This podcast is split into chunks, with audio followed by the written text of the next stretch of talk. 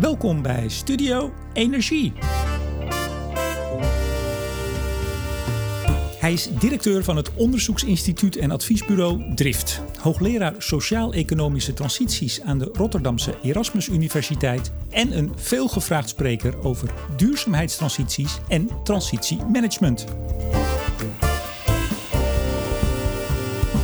Maar mijn gast is ook voorzitter van de Klimaattafel Mobiliteit van het Rotterdamse Klimaatakkoord, dat nog dit jaar gesloten moet gaan worden.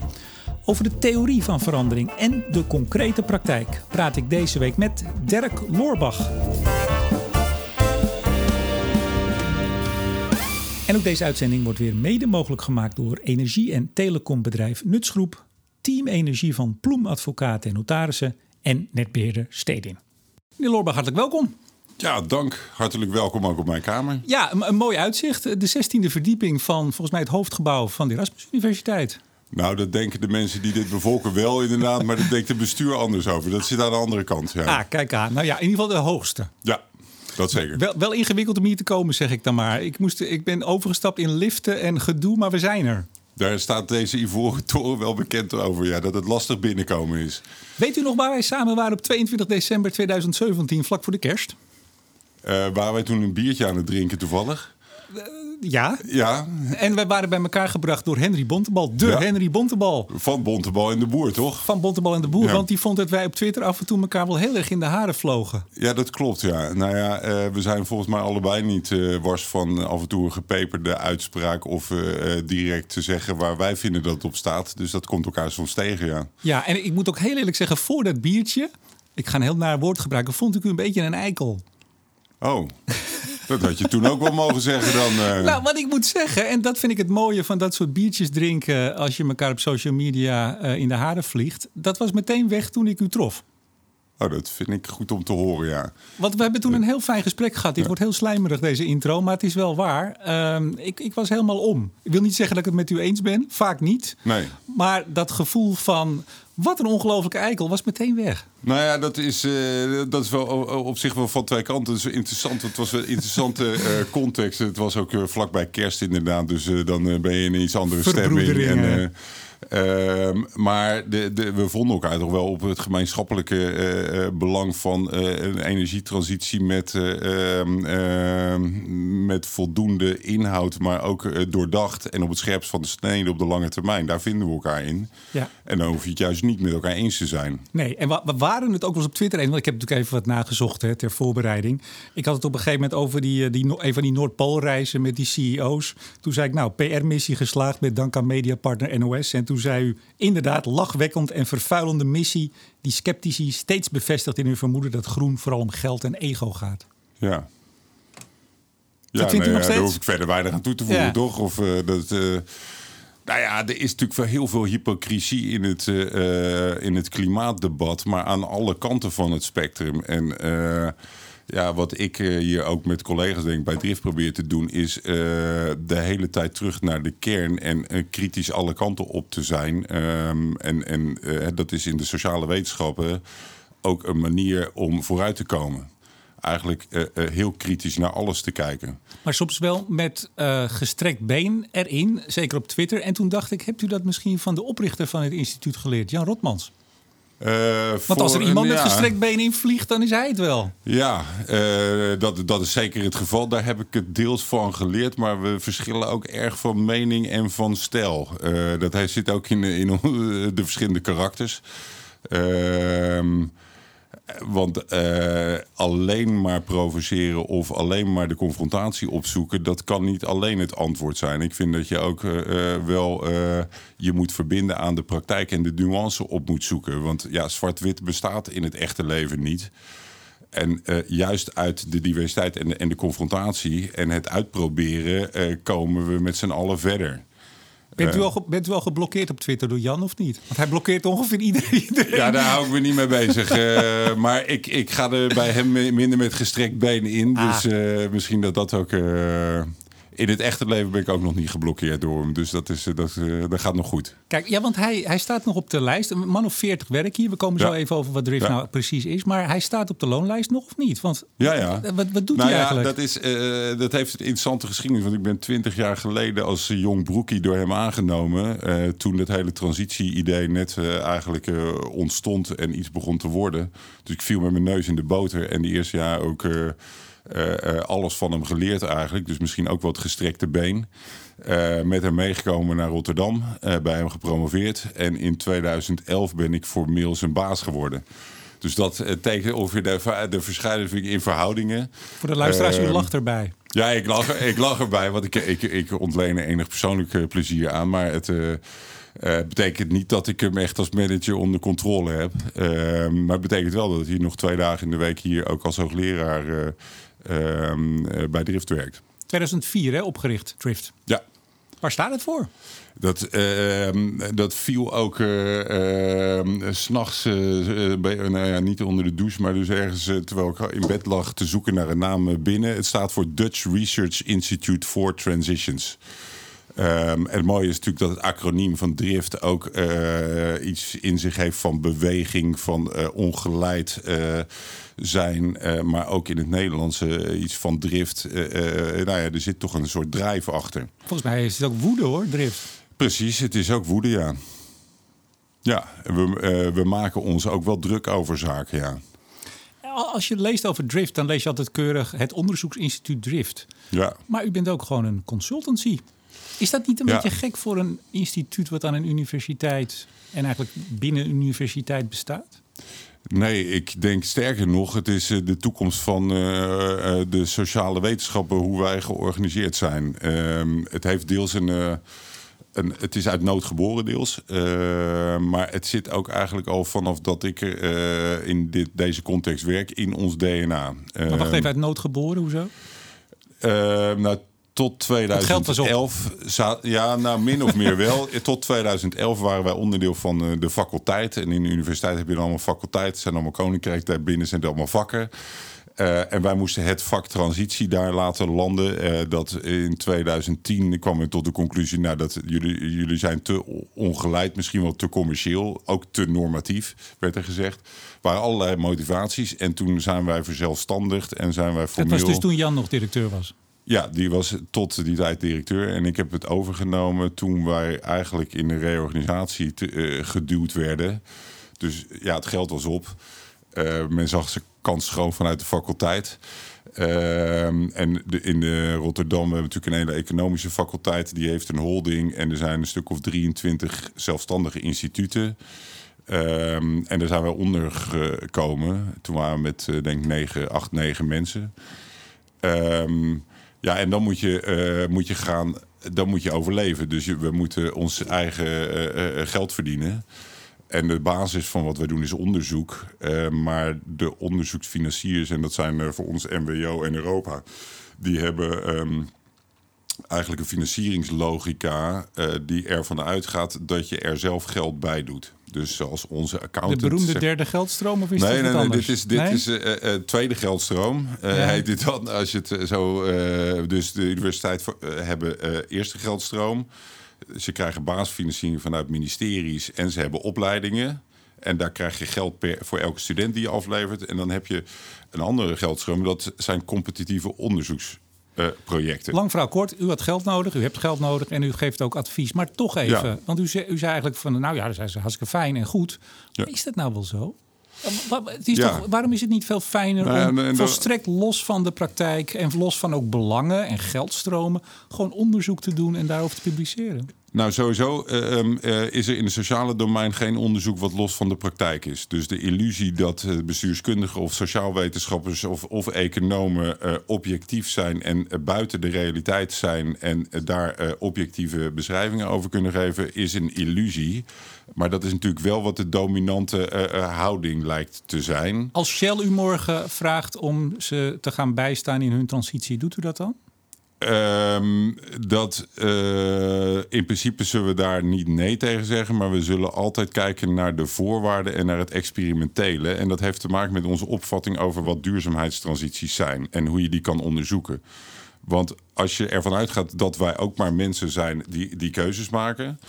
Dat we wel de beschikking hebben tot allerlei inzichten en ervaringen elders. En een theoretisch, aantal theoretische concepten. En vooral onderzoeksmethoden die zorgen dat ehm, het uitproberen en het experimenteren systematisch wordt. We daarvan kunnen leren, we daar verslag van kunnen afleggen.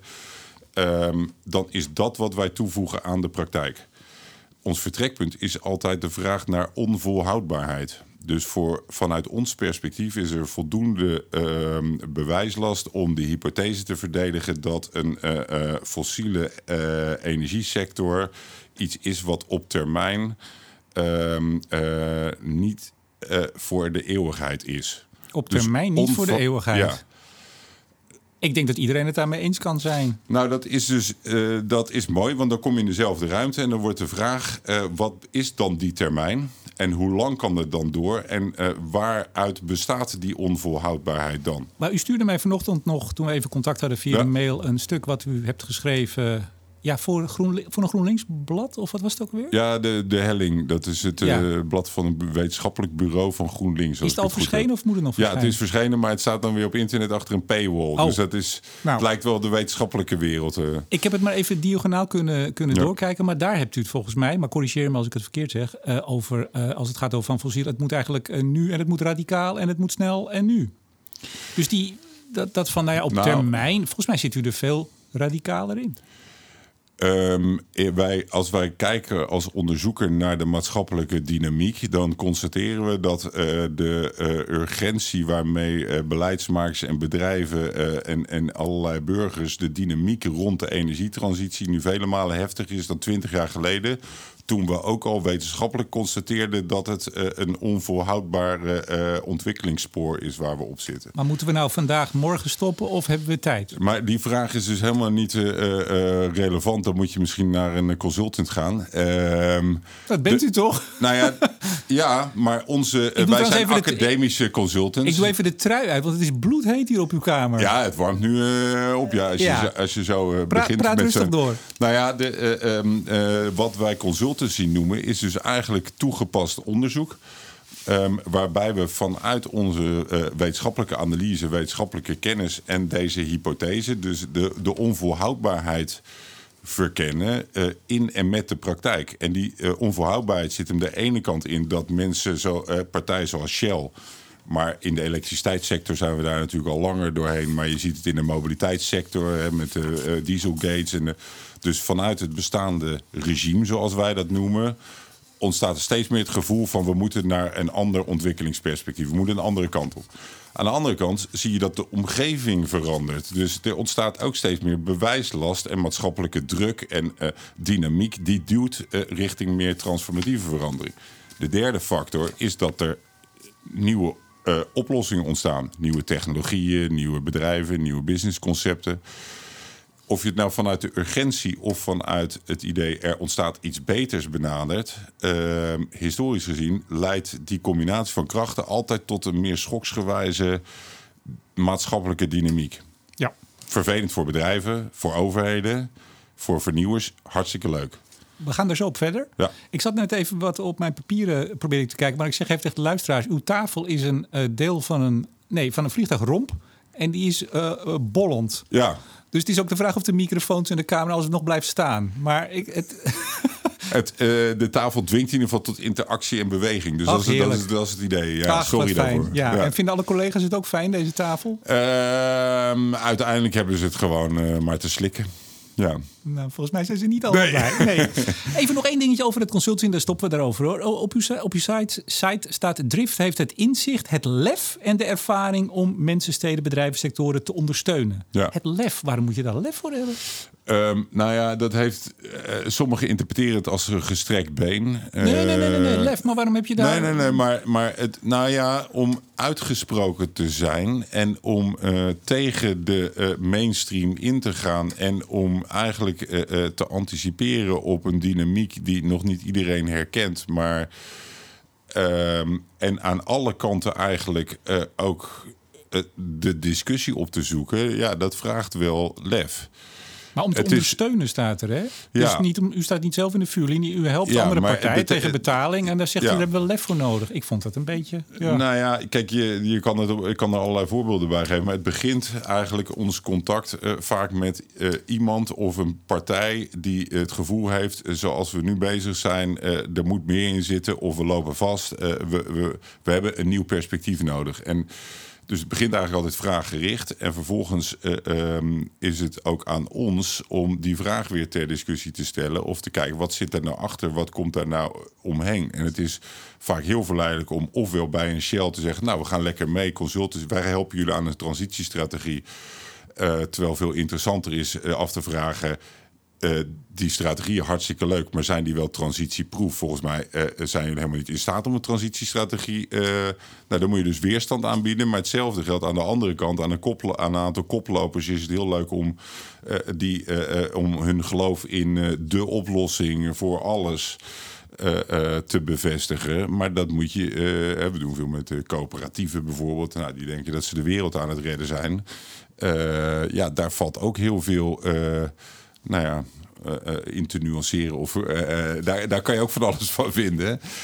Dat, dat zijn ze niet namelijk. Nee, maar ze kunnen er wel onderdeel van zijn. En uiteindelijk is dat de meest interessante. Dus het, het opzoeken van, van de frictie, van de eh, nuance en van het bredere perspectief om partijen stappen verder te helpen. U hebt het altijd over duurzaamheidstransities. Ja. Het is misschien een beetje een woorddingetje hoor, wat ik heb. Maar is dat niet, als je het letterlijk vertaalt, de transitie van duurzaamheid? Zou u niet een ander woord moeten gebruiken? Eh, als je suggestie hebt, eh, ik sta daar heel erg voor open. Er zijn wel eh, altijd. Kijk, de, de, het, academische antwoord zou zijn: transitie is een specifiek type fundamentele verandering in een complex maatschappelijk systeem. Je gaat van toestand A naar toestand B en dat gaat via een schoksgewijs proces. Ja, maar het woord zegt nu dat, u, dat de duurzaamheid verandert.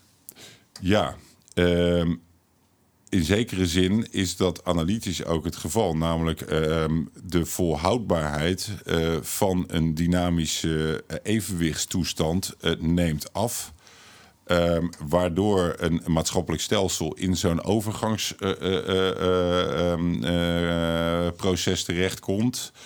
Op zoek naar een nieuw evenwicht, wat weer lang vol te houden is idealiter, eh, eh, zonder dat het in de toekomst weer door transities heen gaat. Maar dat, dat heeft met. eh, nou ja, dat heeft met alles, van alles te maken dat dat niet lukt. Ehm, wat, wat de vermenging natuurlijk is, is dat we maatschappelijk allemaal beelden hebben bij wat die gewenste toekomst in zou moeten houden.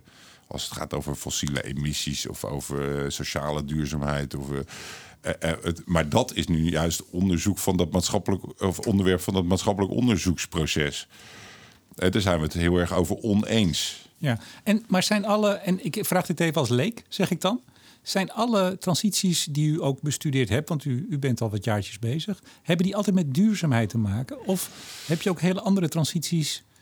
En zo ja, wa- waarin onderscheiden die zich dan, of andersom, waarin onderscheiden duurzaamheidstransities zich van niet-duurzaamheidstransities? Ehm, er zijn, eh, eh, eigenlijk zijn al die duurzaamheidsproblemen waar we het vandaag de dag over hebben, zijn eh, het gevolg van succesvolle historische transities.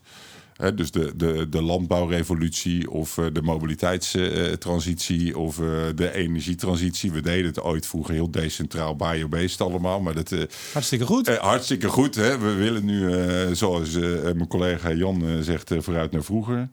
Ehm, maar er zijn dus heel veel transities eh, die hebben geleid tot een hele grote maatschappelijke vooruitgang. En eigenlijk een antwoord waren op historische problemen. Maar die vervolgens weer leiden tot eh, gaandeweg eh, het ontstaan of het zichtbaar worden van nieuwe structurele problemen. Waardoor de druk opbouwt en ehm, eigenlijk het onvermijdelijk is dat je weer in zo'n transitieproces terechtkomt. De transities waar we het nu over hebben, klimaat en energie en eh, voedsel en eh, historici in ons netwerk zeggen dat zijn helemaal geen transities. Dat kan je pas over 30, 40 jaar eh, terugkijkend constateren of dat nou transities waren. Want voorlopig willen we alleen dat het transities zijn. En is het misschien wel doordat nu het een overheidsproject wordt met klimaatakkoorden en zo. creëer je eigen weerstand. Wordt het een soort beleidsidee dat het een transitie is. Maar kijk naar de praktijk, eh, ik zie er nog niks van. Ja, u, u bent tafelvoorzitter van zo'n transitie in Rotterdam. Ja. Daar komen we zo op. Ja. Nog, nog, nog één ding. Ik, ik las nogmaals diagonaal even dat stuk wat u in het GroenLinksblad hebt geschreven. Dat ging, de aanleiding was eigenlijk Amsterdam. Ja. Dat in 2030, ik geloof, eh, geen fossiele mobiliteit meer Ja. wenst. Ja, Zeg ik het dan goed? Ja, ja, dat is het. ja vanaf Nou ja. 2030 komt er geen fossiele auto meer de stad in. Zo'n Niet meer de stad in? Ja. U vond dat, eh, hoe zeg ik dat netjes? Want u hebt daar vijf pagina's eh, aan gewijd. Althans in mijn... eh, ja, vat het eens even samen. Ja. Nou, u, was het, u, vond dat, u vond dat niet. U vindt dat niet de manier waarop het eigenlijk zou moeten. Terwijl toch, het, ik denk dat het college, een, een, een groen progressief college wat er zit, denkt Ja. dat ze fantastisch bezig zijn. Vindt u niet? Waarom niet? Ja, dat raakt dan al heel erg aan de, aan de vraag hoe wij naar sturing en, en de rol van de overheid kijken. Ehm, maar ik vind het, vond, vind het communi- communicatief onhandig om die boodschap op die manier te maken. Eh, maar het getuigt ook van een, een eh, eh, overmoedige rolopvatting van de overheid. Wat bedoel ik daarmee? Eh, eigenlijk het idee dat de overheid die transitie aan het sturen of organiseren is. En ehm, met zo'n doel eh, eh, ehm, eh, afdwingbaar kan maken wat de maatschappelijke eh, ehm, eh, beweging gaat zijn de komende tien Maar jaar. Als de gemeente Amsterdam zegt, nou, vanaf 2030, en we hebben nu al milieuzones, er Ja. hangen camera's bij de, als je de, de stad binnenkomt. Nou, dat kun je uitbreiden. Je kunt natuurlijk gewoon als stad, als dat ook in Den Haag hè, via nationale wetgeving lukt, kun je natuurlijk zeggen, nou, ze komen er niet meer in. Ja, maar precies, je noemt Den Haag, maar je maakt het gelijk politiek. Je mobiliseert eh, eh, de, de burger eh, die het gevoel heeft van... ja, mij wordt alles afgepakt. Moet ik dan zo'n dure elektrische auto gaan betalen? Wat moet ik, wat moet ik dan? En mijn gehaktbal nou wordt al nog. Nou, mijn auto ook nog. Dus je zet het gelijk slo- op slot aan de achterkant. Ons perspectief eh, is veel meer... als je kijkt naar wat er allemaal in mobiliteitsland... en op stedelijk niveau gaande is... Ja, dan is de verschuiving naar emissieloos eh, eh, is eigenlijk al ingezet. Maar dat is niet omdat de gemeente Amsterdam zegt eh, we gaan dit doen. Eh, dan kijk je naar internationaal wat steden doen. Dus de hele trend is naar meer fietsen, OV, eh, slimme mobiliteitsoplossingen, meer groen in de publieke ruimte. Dus er zijn overal trends en ontwikkelingen eh, gaande. Was nergens voor nodig, die aankondiging van Amsterdam. Nou, het is wel als stok achter de deur. Alleen eh, je moet eh, ehm, eh, veel meer inspelen op al die positieve ontwikkelingen die ehm, al lang aan het ontstaan zijn, omdat er vrij structurele hardnekkige problemen zijn in hoe wij mobiliteit hebben ingericht in steden. U, wel, u bent nu alleen nog maar klimaattafelvoorzitter mobiliteit, dus uw macht is nog beperkt. U was wel ook informateur, nee, u was verkenner van het Rotterdams College, Ja. collegevorming Ja. vorig jaar. Maar stel even, u bent wethouder in Amsterdam. Ehm, u hebt het voor te zeggen. Wat had u in het geval van Amsterdam gedaan? Ik zou het andere mensen eh, laten zeggen. Ehm, de aanpak zou, zou veel meer moeten inzetten op ehm, de integrale baten of een gezonde stad of een inclusieve bereikbare stad eh, als doel.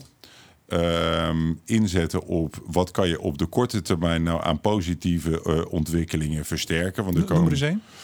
Nou ja, die, die, zijn legio. Je kunt bijvoorbeeld, als je het over personenmobiliteit hebt, dan moet je natuurlijk naar deelsystemen. Nou, er ontstaan hè, met de elektrische aandrijving eh, komen er allerlei nieuwe aanbieders. Maar dat hele autodelen is, eh, of voertuigdelen zou je dan eigenlijk beter moeten zeggen, want dan krijgt ook allemaal kleine eh, karretjes. Eh, dat zou de norm moeten zijn. Dus begin dan in wijken waar eh, al best wel eh, eh, weinig mensen een eigen auto hebben, het ontwikkelen van meer coöperatieve of meer transparante deelsystemen. Maar dat, dat is al, als ik mijzelf even als voorbeeld mag nemen. Ja. Ik, ik heb Green Wheels. Ja, En er staan in een straal van zo'n 400 meter rond ons huis... staan er geloof ik wel zes of zeven. ja, dan woon je op een goede plek, want Ja. dat is in heel veel buurten nog minder. maar het groeit ook niet echt. Het groeit ook niet echt, omdat we historisch gezien, en dat noemen wij dan regime, hebben we een, eh, een, een systeem gebouwd met elkaar waarin we het normaal zijn gaan vinden en waarin we hebben gefaciliteerd inf- met infrastructuren, met regels, met sociale normen, dat iedereen overal met de eigen auto kan Maar komen. als je dat dan zou willen afbreken, want dat, dat zegt u dan eigenlijk, hè, daar moeten we vanaf. We moeten naar, we Ja. moeten naar de deeleconomie of Ja. deel. Hè. Hoe, er komt toch enig moment dwang en u mag niet meer met die auto. Alleen je moet dat dus veel kleiner maken en veel uh, uh, incrementeler eigenlijk. Dus het de idee van, van transitie als een, een, revolutionaire systeemverandering die van vandaag op morgen oud vervangt door nieuw. Dat is een veel te populistische beeld eigenlijk van een transitie. En als een overheid zo gaat communiceren, we gaan van het gas af. En iedereen heeft zoiets van wat, nou, dan gaan de hakken in het zand. Het is.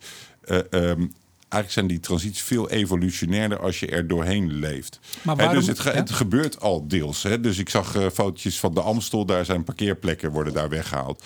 Je zijn al allemaal mensen die. Er zijn al uh, greenwheels, er zijn al fietsen, uh, deelsystemen. er wordt emissieloze voedsellogistiek in Amsterdam gedaan. Dus vanuit dat idee, uh, um, dat, dat soort ideeën, die moeten de norm worden. De, de grap was, die parkeergarage die u aanhaalt, was overigens niet bij de Amstel, maar dat maakt even niet uit. Het was bij, bij het Rijksmuseum, daar om de hoek. Ja. Daar is ontzettend veel strijd tegen gevoerd, ja. tegen de bouw daarvan. Ja. Uh, uh, volgens mij ook door GroenLinks-achtige partijen. Die zeiden: ja, maar dit is alleen, het heeft alleen maar een aanzuigende werking. Ja. Wat er gebeurt is dat er zijn meer parkeerplaatsen volgens mij verdwenen. Dat is nu allemaal groen. Dat zijn tuintjes. Die straat is een mooi videootje van. Ik denk dat u die hebt gezien op, op social media ook. Waarbij door die straten daarachter, die vroeger barsten van de auto's en waar je echt niet ja, kon spelen. Die zijn helemaal groen en open. Maar er was dus heel veel verzet tegen de garage. Ja, en dat, dat uh, verzet is, is uh, nou ja, generiek aan transities. Dus het is, is een soort frontlijnenstrijd. Um, en als je als overheid eraan bijdraagt dat het één groot maatschappelijk front wordt, uh, dan zet je alles op slot. En het is uh, uh, stap voor stap zoeken naar waar is er steun of initiatief of maatschappelijke energie om een bepaalde stap voorwaarts te maken. Um, en als overheid dan de vraag hoe kan je dat helpen faciliteren. Maar de meeste weerstand tegen transitie komt eigenlijk uit overheidslichamen zelf.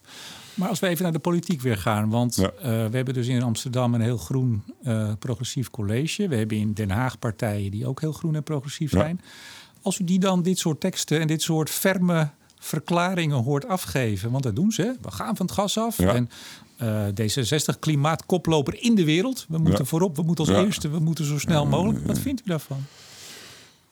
Um, nou ja, ik, aan de ene kant ben ik blij met de ambitie. Ehm, eh, maar het, het lijkt in Nederland wel alsof we elke keer een schep ambitie erop gooien. Maar onvermogend zijn om uh, de dagelijkse praktijk in lijn te brengen met. Uh, dat soort ambities. Dan, dan komt het op mij heel erg over. Het is voor de bühne. Het is vooral ook een politiek spel. Van iedereen wil zich profileren en, en roepen wat de kiezers wil. Dus maar het dat, is, dat is het toch ook? Ja, dus uh, dat is ook waarom ik ben niet zo heel erg met de politiek bezig hou, maar meer met de, de partijpolitiek, maar meer met de politiek van transitie. En, en in zekere zin, uh, maar dat is dan uh, meer een andere uh, onderzoekslijn bij ons, is dat representatief democratisch systeem met die politieke partijen is natuurlijk ook de, de vraag gelegitimeerd hoe volhoudbaar is dat in de huidige tijd? Maar, maar als, als ik uw. ik heb natuurlijk niet al uw werk gelezen, dat neemt u me vast niet kwalijk. Maar als ik zo werk van u lees en ook dan weer even dat, dat stuk vanochtend. dan schetst u een, een ideaal beeld, uiteraard, hoe het zou moeten. Hè? Hoe die transities ja. uh, uh, voor elkaar zouden. Ja. Ja. ja. Nou, ja, wat is ideaalbeeld ben ik altijd met je huiverig voor. Kijk, wat, wat wij met. Nou ja, u bent ook consultant. U zegt, u, u en dat zou ik ook zijn als ik u was. U zegt, nou, wij weten hoe je dit moet doen. Dan wordt er dus nou, niet dat is interessant. Ons verdienmodel is dat we zeggen, wij weten niet hoe we het moeten doen... maar we hebben wel ervaring en een methode om uh, de vraag te stellen... en probleemscherper te krijgen. En dan allerlei voorbeelden die misschien tot inspiratie leiden... zodat de partij ja, maar zelf... daar zit wel achter natuurlijk dat dat een manier is. Misschien wel een betere manier dan op dit moment. Bijvoorbeeld ja. nogmaals dat stuk over Amsterdam. Daar geeft u een aantal punten aan het eind hoe het zou moeten. Het feit dat men dat dan toch want als ik uw, uw lijn en uw voorstellen lees, dat wordt dus bijna niet overgenomen. Waarom gebeurt dat niet? Waarom is zo'n college wel als de kippen bij om eigenlijk op een manier waarvan u zegt dat werkt niet? Dat doen ze wel. Is dat niet ook dan waarom uw lijn zeg maar zo weinig of misschien wel niet gevolgd wordt? Nou ja, dat, eh, daar kunnen we dan ook weer onderzoeksmatig lekker over filosoferen. Maar dat, je ziet het op alle niveaus nu uh, dat dat de overheid aan het opbreken is. Dat we rationeel zien welke richting het op moet. En dat wordt ook geschraagd door de wetenschap. En de politici die willen dan leiderschap tonen. En die gaan dan uh, zulke soort ambities... Ehm, maar die creëren gelijk de, de, de uh, maatschappelijke weerstand. Uh, maar het lukt ze ook niet om uh, in de uitvoeringspraktijk van beleid echt de dingen zo te veranderen dat ehm, dat, dat helpt die ambities te realiseren. Dus er is een soort van uh, mismatch tussen wat de, de politiek wil en wat de dagelijkse beleidspraktijk is. Maar, maar, moeten we dan even niet misschien gewoon vaststellen dat dat is zoals het gaat? Ik gooi er maar even een cliché in. Zo werkt het blijkbaar. Ja, en het, uh, tegelijkertijd, wij kijken dus, wat, wat dat kan je heel erg problematiseren. En dan kan je cynisch van worden, ah, dat gepolder en het schiet allemaal niet op. tegelijkertijd zien we dus allerlei voorbeelden van waar het wel lukt. Dus ons onderzoek gaat er deels ook over waarom lukt het daar dan wel. Geeft u nou eens een voorbeeld van het, en dat mag ook in het buitenland zijn. nou, ik kan een voorbeeld hier uit Rotterdam uh, geven. Uh, wat ja. nou ja, eh, zou ik mobiliteitsvoorbeeld geven? Of ja, wil je iets over de haven horen? Nou, we gaan ook wel naar het Rotterdams Klimaatakkoord. En u bent van de mobiliteitstafel, dus kies maar nou ja, ik, ik, uh, wat de, de, de, mobiliteit. We zijn hier vanuit Drift al uh, een jaar of tien betrokken bij mobiliteitsdiscussies in de stad. Maar ook bij wijkenproblematiek. Dus we hebben hier een groot stadsdeel, dat heet Rotterdam-Zuid... Waar, waar allerlei sociaal-economische issues spelen. We hebben klimaatproblemen, we hebben fossiele haven. Dus speelt van alles. Um, vanuit uh, uh, de ambtenarij waarmee we al, al langer werkten, ontstond de vraag: uh, we moeten weer een mobiliteitsbeleid maken. Wat vijf jaar verder, dat heet toen nog verkeer vervoer. daarnaast willen we ook wat breder en wat verder kijken. dus help ons. Nou, dat is dan een consultancyopdracht. Want wat gaan we dan doen? Is met een groepje ambtenaren. Ehm, eigenlijk breder kijken. En dan brengen wij allerlei dingen vanuit het academische context in uh, rond transportarmoede. Uh, uh, de, wat zijn ruimtelijke effecten van mobiliteitssystemen, gezondheidseffecten, ideeën over groenere steden en nature-based solutions. Dus ik, ik, en daar ik, zoeken we ik, mensen. Met oog op de tijd. Nee, want ga ik u, want we hebben nog heel veel te bespreken namelijk. Waar heeft dat concreet, want u gaat een concreet voorbeeld geven, waar heeft dat concreet toe geleid? Het uh, leidt tot een ander soort uh, denken over sociale mobiliteit. Dus niet alleen maar het faciliteren uh, en, van huidige mobiliteitssystemen en het oplossen van problemen daarin, maar eigenlijk mobiliteit in, ten doel van een gezonde, inclusieve stad. Dus sociale mobiliteit als belangrijk thema. En daarnaast de tweede echte verandering is bij de afdeling mobiliteit, die zich bewust worden door, door de hele tijd die problemen in het bestaande op te lossen, hou je het bestaande in stand. Dus men heeft gezegd, in de uitvoeringslogica gaan wij uh, fietspaden verbreden. We gaan zorgen dat er meer mensen gaan fietsen. We zorgen dat er meer oplaadpunten komen. We zorgen dat er meer plekken voor deelmobiliteit komen. We zorgen dat er 30 kilometer straten komen. Met andere woorden, we lossen de problemen van de gewenste vormen van mobiliteit op. En dat is echt een, een uh, verandering in denken en werken bij de afdeling. En een verandering die er niet zou zijn gekomen zonder uw bijdrage. Nee, dus zonder van buiten naar binnen en vanuit de toekomst terug te kijken naar wat willen we nou eigenlijk en wat zijn we nou eigenlijk aan het doen. En maar, maar niet om uw uh, bijdrage te bagatelliseren, maar probeer hem even scherp te krijgen. Het verbreden van fietspaden, daar was men nog niet opgekomen. Dat dat misschien wel handig is als je meer mensen aan het fietsen wil krijgen. Um, daar was men, nou ja, dan, dan, als men meer mensen aan het fietsen, dat is niet uh, uh, noodzakelijkerwijs de manier waarop beleidsmensen denken. Okay. We willen een probleem oplossen. Dat is hoe beleidsmensen denken. En de logica die er nu is, is we willen een probleem creëren omdat het ons helpt om een bepaalde richting uit te gaan. Wacht even, een probleem creëren? Nou ja, bijvoorbeeld fietsfiles. Ah. Uh, dat is een mooi, mooi voorbeeld. Dus uh, de logica, de verschuiving is van het, het, proberen op te lossen van de autocongestie naar het creëren van fietscongestie om die op te kunnen lossen. En je kan, kan zeggen dat is een hele uh, een, een, rare woordspel. Maar het leidt in, in de stad ook echt tot allerlei fysieke veranderingen. Maar is nu ook de opmaat om met dat klimaatakkoord een stapje verder te gaan.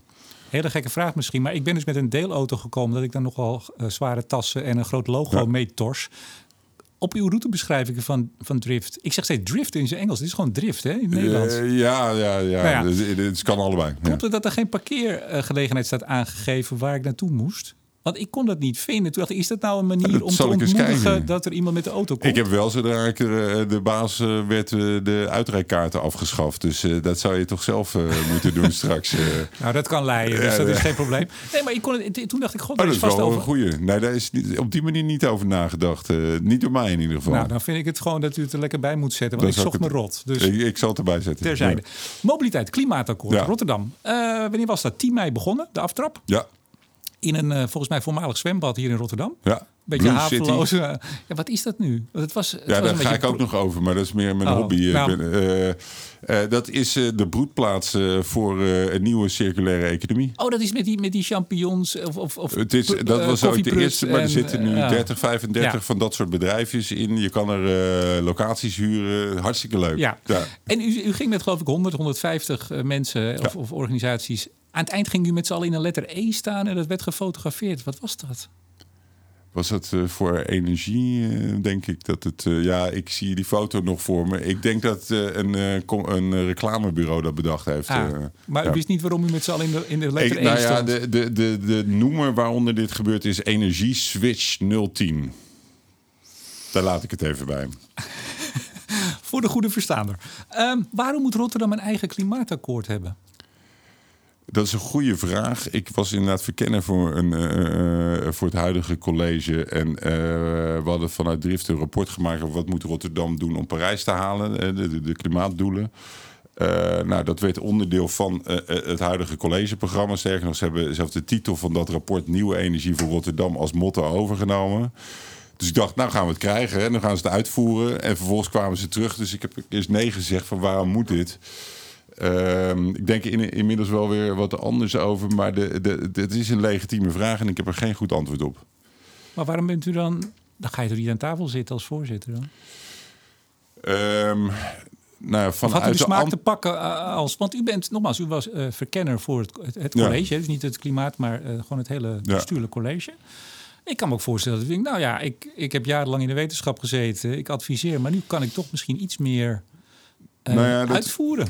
Eh, de, die uitvoeringsdrang die hebben we altijd eh, al wel. En ik persoonlijk ook. Ik wil impact hebben of ik wil dicht in en met de praktijk kijken van wat kan er beter en, en anders. Eh, het was een combinatie van aan de ene kant de, de, de druk vanuit de ambtenaren, met name die, die hadden van ja, dit is een kans, we kunnen echt hiermee een slag verder brengen. En eh, aan de andere kant de academische kans die ik zag, want onze consultancy of toegepast onderzoek is eigenlijk ons fundamenteel wetenschappelijk onderzoek. Dus ik ben hier gewoon eigenlijk aan het eh, eh, experimenteren met een aantal eh hypothesen rond transitiesturing. Ehm, we hebben een aantal vermoedens of gedachten of ideeën ehm, hoe dat in ehm, de latere fase van transitie mogelijk zou kunnen lopen. En eh, ehm, hoe je daar slimmer op in kan spelen dan alleen maar een verbod af te kondigen. We- Weet de gemeente dat u gewoon aan het, experimenteren bent in uw rol, Ja, dat, heb ik, eh, daar- dat verbaasde mij dus. Want ik zei eerst van nee, ga ik niet doen. En toen zei ik, nou dan wil ik, eh, ik wil het alleen maar doen als jullie het echt zo graag willen onder eigen voorwaarden. En dat hebben ze uiteindelijk goedgekeurd. Ja, dus toen kon ik ook niet meer terug. Oké. Ik, ik las ehm, wethouder Arno Bonte, Ja. eh, GroenLinks volgens mij. Ja. Die heeft transitie Ja. onder zich. Die zei bij de start van het eh, klimaatakkoord... eh, we gaan op z'n Rotterdamse aan de slag. Niet jarenlang vergaderen, maar de handen uit de mouwen en tempo maken. Maar hij zei er ook bij, ja, ik, we weten nog niet hoe... Kijk, hoor. hoe we daar komen, dat weten we nog niet. In ieder geval op z'n Rotterdams. Gewoon doen. Ja. Toen dacht ik, nou, wat is dit? Nou, ja. Eh, nou, dit, Is dit, doe- past dit- dit nou niet, sorry, past Nee? dit nou niet weer precies in waar we het net in Amsterdam over hadden en ook in Den Haag? Ferme taal, Ja. op z'n Rotterdams. Gaan we gewoon, we weten niet hoe, maar we gaan het doen. Ja, Ik moest er een eh, beetje om voor, lachen. Voor, voor een deel wel, ja. En, nou ja, En u ook, zie ja, ik. ja, ja, zeker. Ehm, het doet hem wel tekort hoor. Want hij ehm, had daar een vrij goed verhaal over hoe die thema's samenhangen. En, en eh, het belang voor de stad. En ook eh, ehm, wat het slim doorgaan van deze. eh, ja, noemen we het toch maar energietransitie in breedste zin van het woord, eh, ook aan voordelen op kan leveren. De, de opmerking over hoe we dat gaan doen, sloeg eh, ook op het zelfinzicht, denk ik. in, we moeten als overheid niet pretenderen dat we vooraf weten wat, wat de juiste keuzes zijn. En nou ja, we zien nu de discussie over het warmtebedrijf. En, uh, dus de overheid picking winners, zoals het in de wetenschap dat is een, dat is een heel slecht track record. Um, dus in die zin was, was ik wel blij met zo'n soort opmerking. Alleen het gewoon doen en, en de pretentie dat we hier in Rotterdam van de, nou ja, van de actie zijn. Er wordt hier een hele hoop ge, gepraat. uh, En tegelijkertijd, en, en uh, de, ja, die illusie van we zijn hier enorme doeners. Mm, ik vind dat het tegenvalt. Maar, maar, misschien moeten we ook even het woord Rotterdams Klimaatakkoord, uh, ik zou bijna zeggen, herdefiniëren. Want ik ben even op die site uh, gegaan, die u zei, nul, hoe heet ook weer? 010? Energie Switch, Switch 010. 010. Ja. Daar staan hartstikke leuke berichtjes op. Vijf tips voor het aanleggen van een moestuin. Check, is jouw dak geschikt voor zonnepanelen? Nee, ja. dat, dat, zeg ik zonder cynisme. Afval scheiden, zo doe je dat. Pak de fiets, acht voordelen van een ritje. Duurzaam smullen met de kerst. Dat is ja. een berichtje van vorig jaar. Ja, beetje oud is, nieuws. Nee, maar dat is hartstikke leuk. Uh, volgens mij is dat ook waar heel veel gebeurt in Rotterdam. Maar klimaat, en dan hebben we het toch... en dat is ook een beetje de toon van... De, 20% van de uitstoot van Nederland is ongeveer in dit gebied. Daar heb je toch Nederland minimaal, uh, Den Haag of Europa voor nodig. De illusie of de suggestie die wordt gewekt dat die vijf tafels die van u in kluis ja. gaan zorgen dat het klimaat gaat veranderen. Moet u dat niet gewoon, uh, ja, dat woord herdefiniëren? Nou ja, kijk, dat is, uh, daar is de wethouder ook langzamerhand wel achter.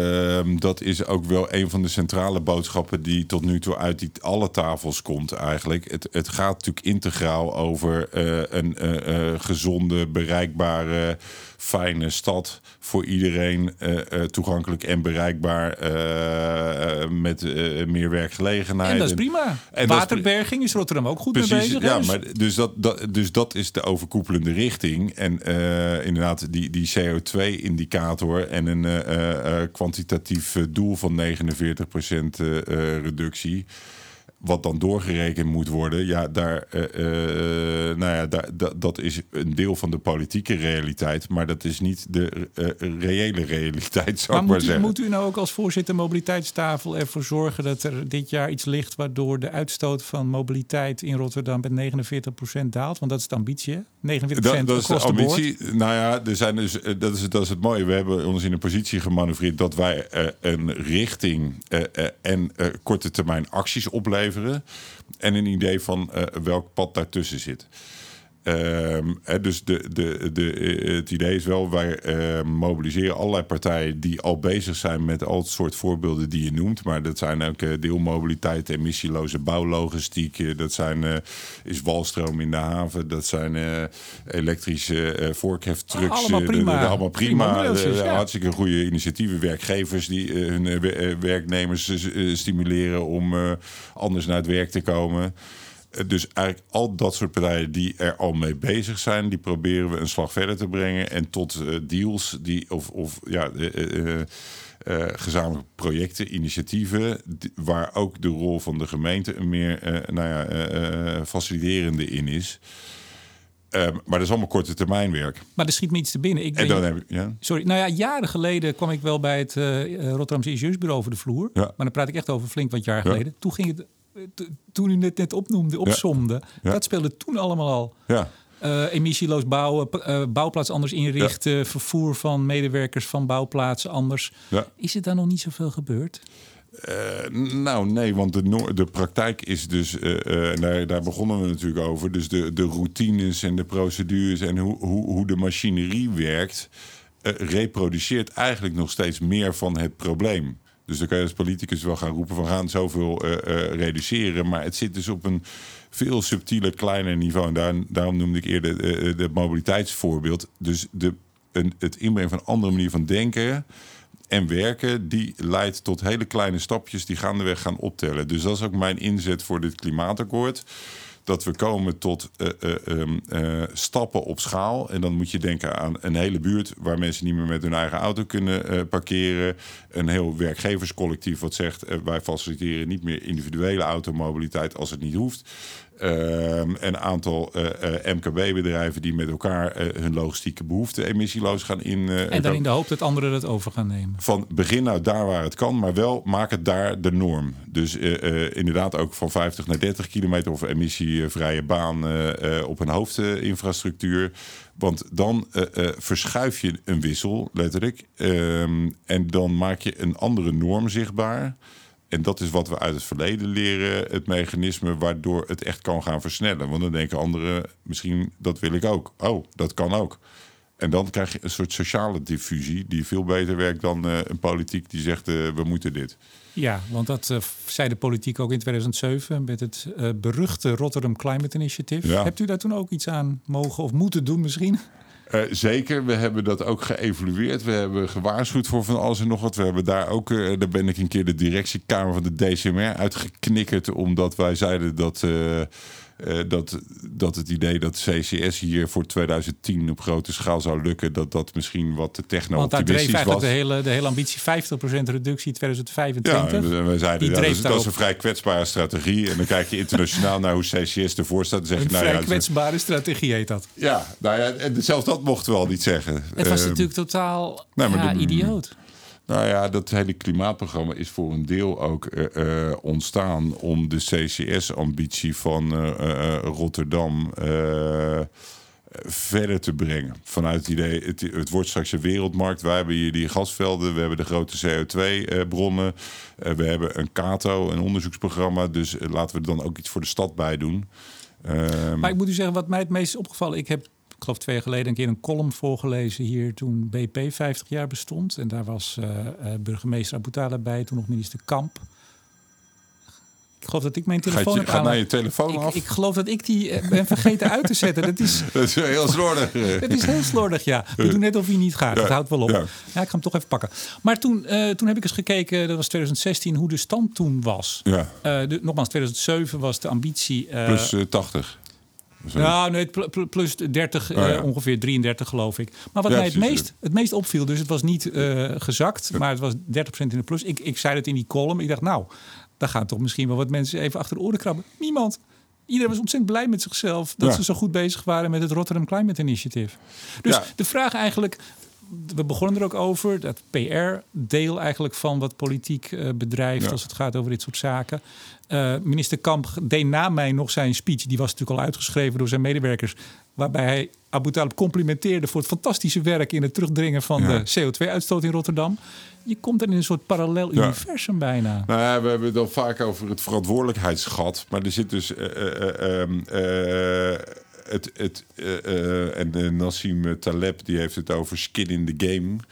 Uh, maar we hebben een, een, een bestuur, openbaar bestuur gecreëerd, wat over vele politieke horizonten heen op een heel hoog abstractieniveau van alles kan roepen. Hè, van, van links tot rechts in het politieke spectrum. Dat maakt dan niet zo heel veel uit. Um, en op de korte termijn uh, gebeurt er eigenlijk van alles wat er compleet strijdig mee is. Maar er wordt nooit iemand echt op afgerekend.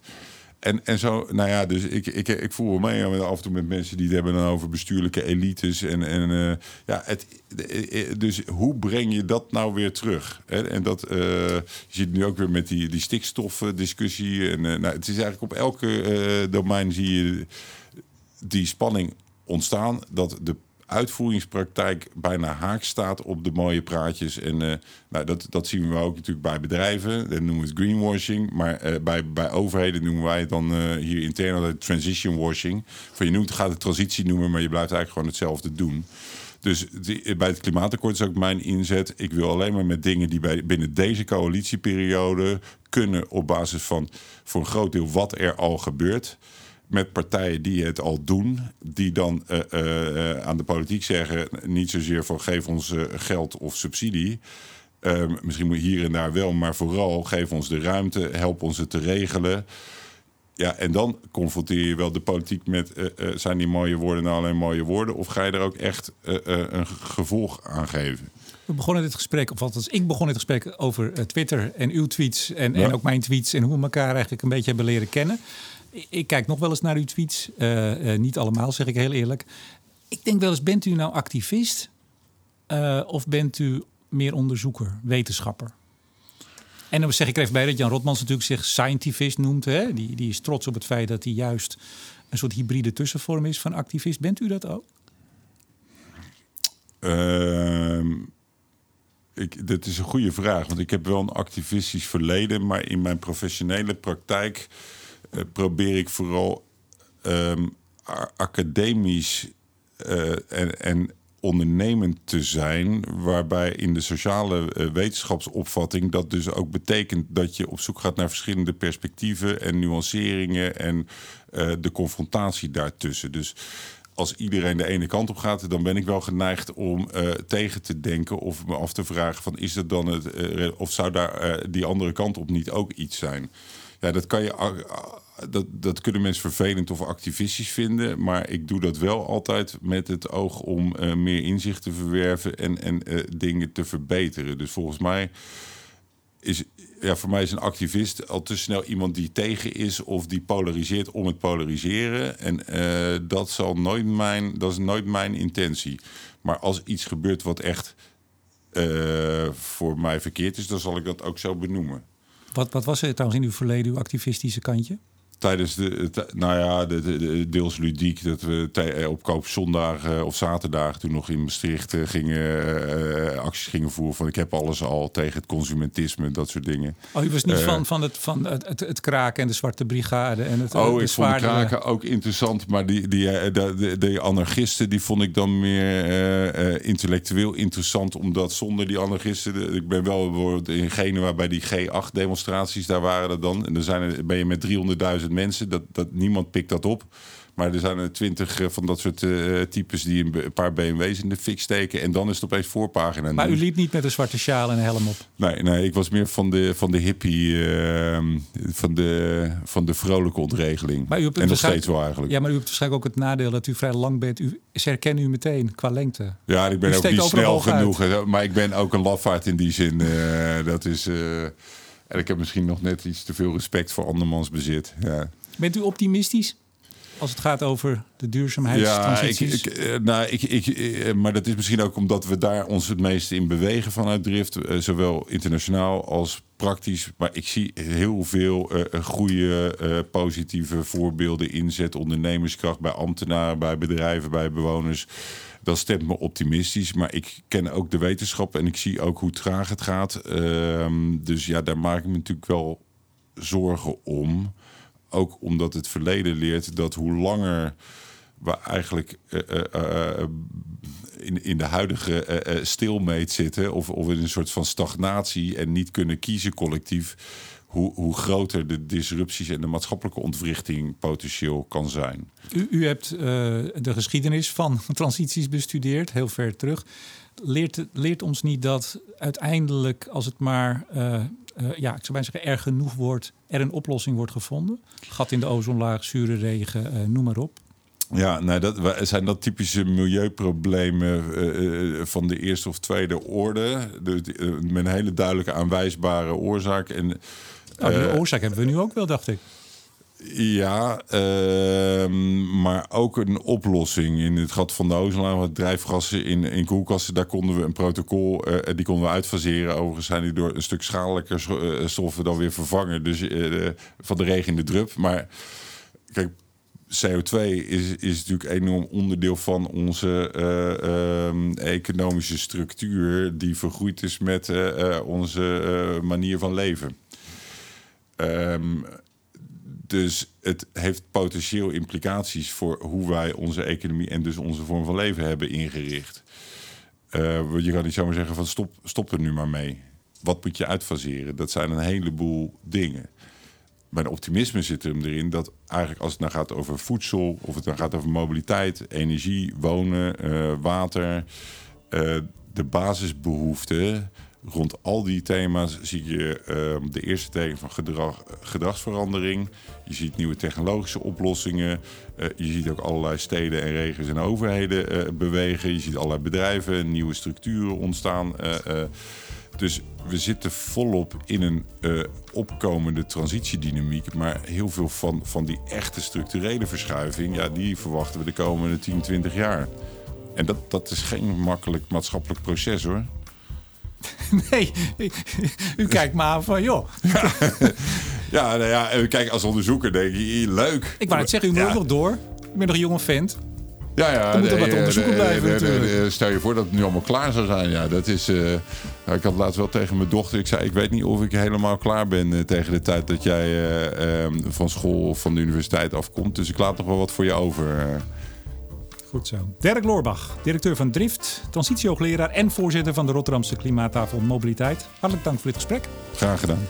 Ik bedank ook deze week weer energie- en telecombedrijf Nutsgroep, Team Energie van Ploem Advocaat en Notarissen en netbeheerder Stedin voor het mede mogelijk maken van deze uitzending. En uiteraard bedank ik jou, beste luisteraar, voor het luisteren. Mijn naam is Remco de Boer. Graag tot volgende keer.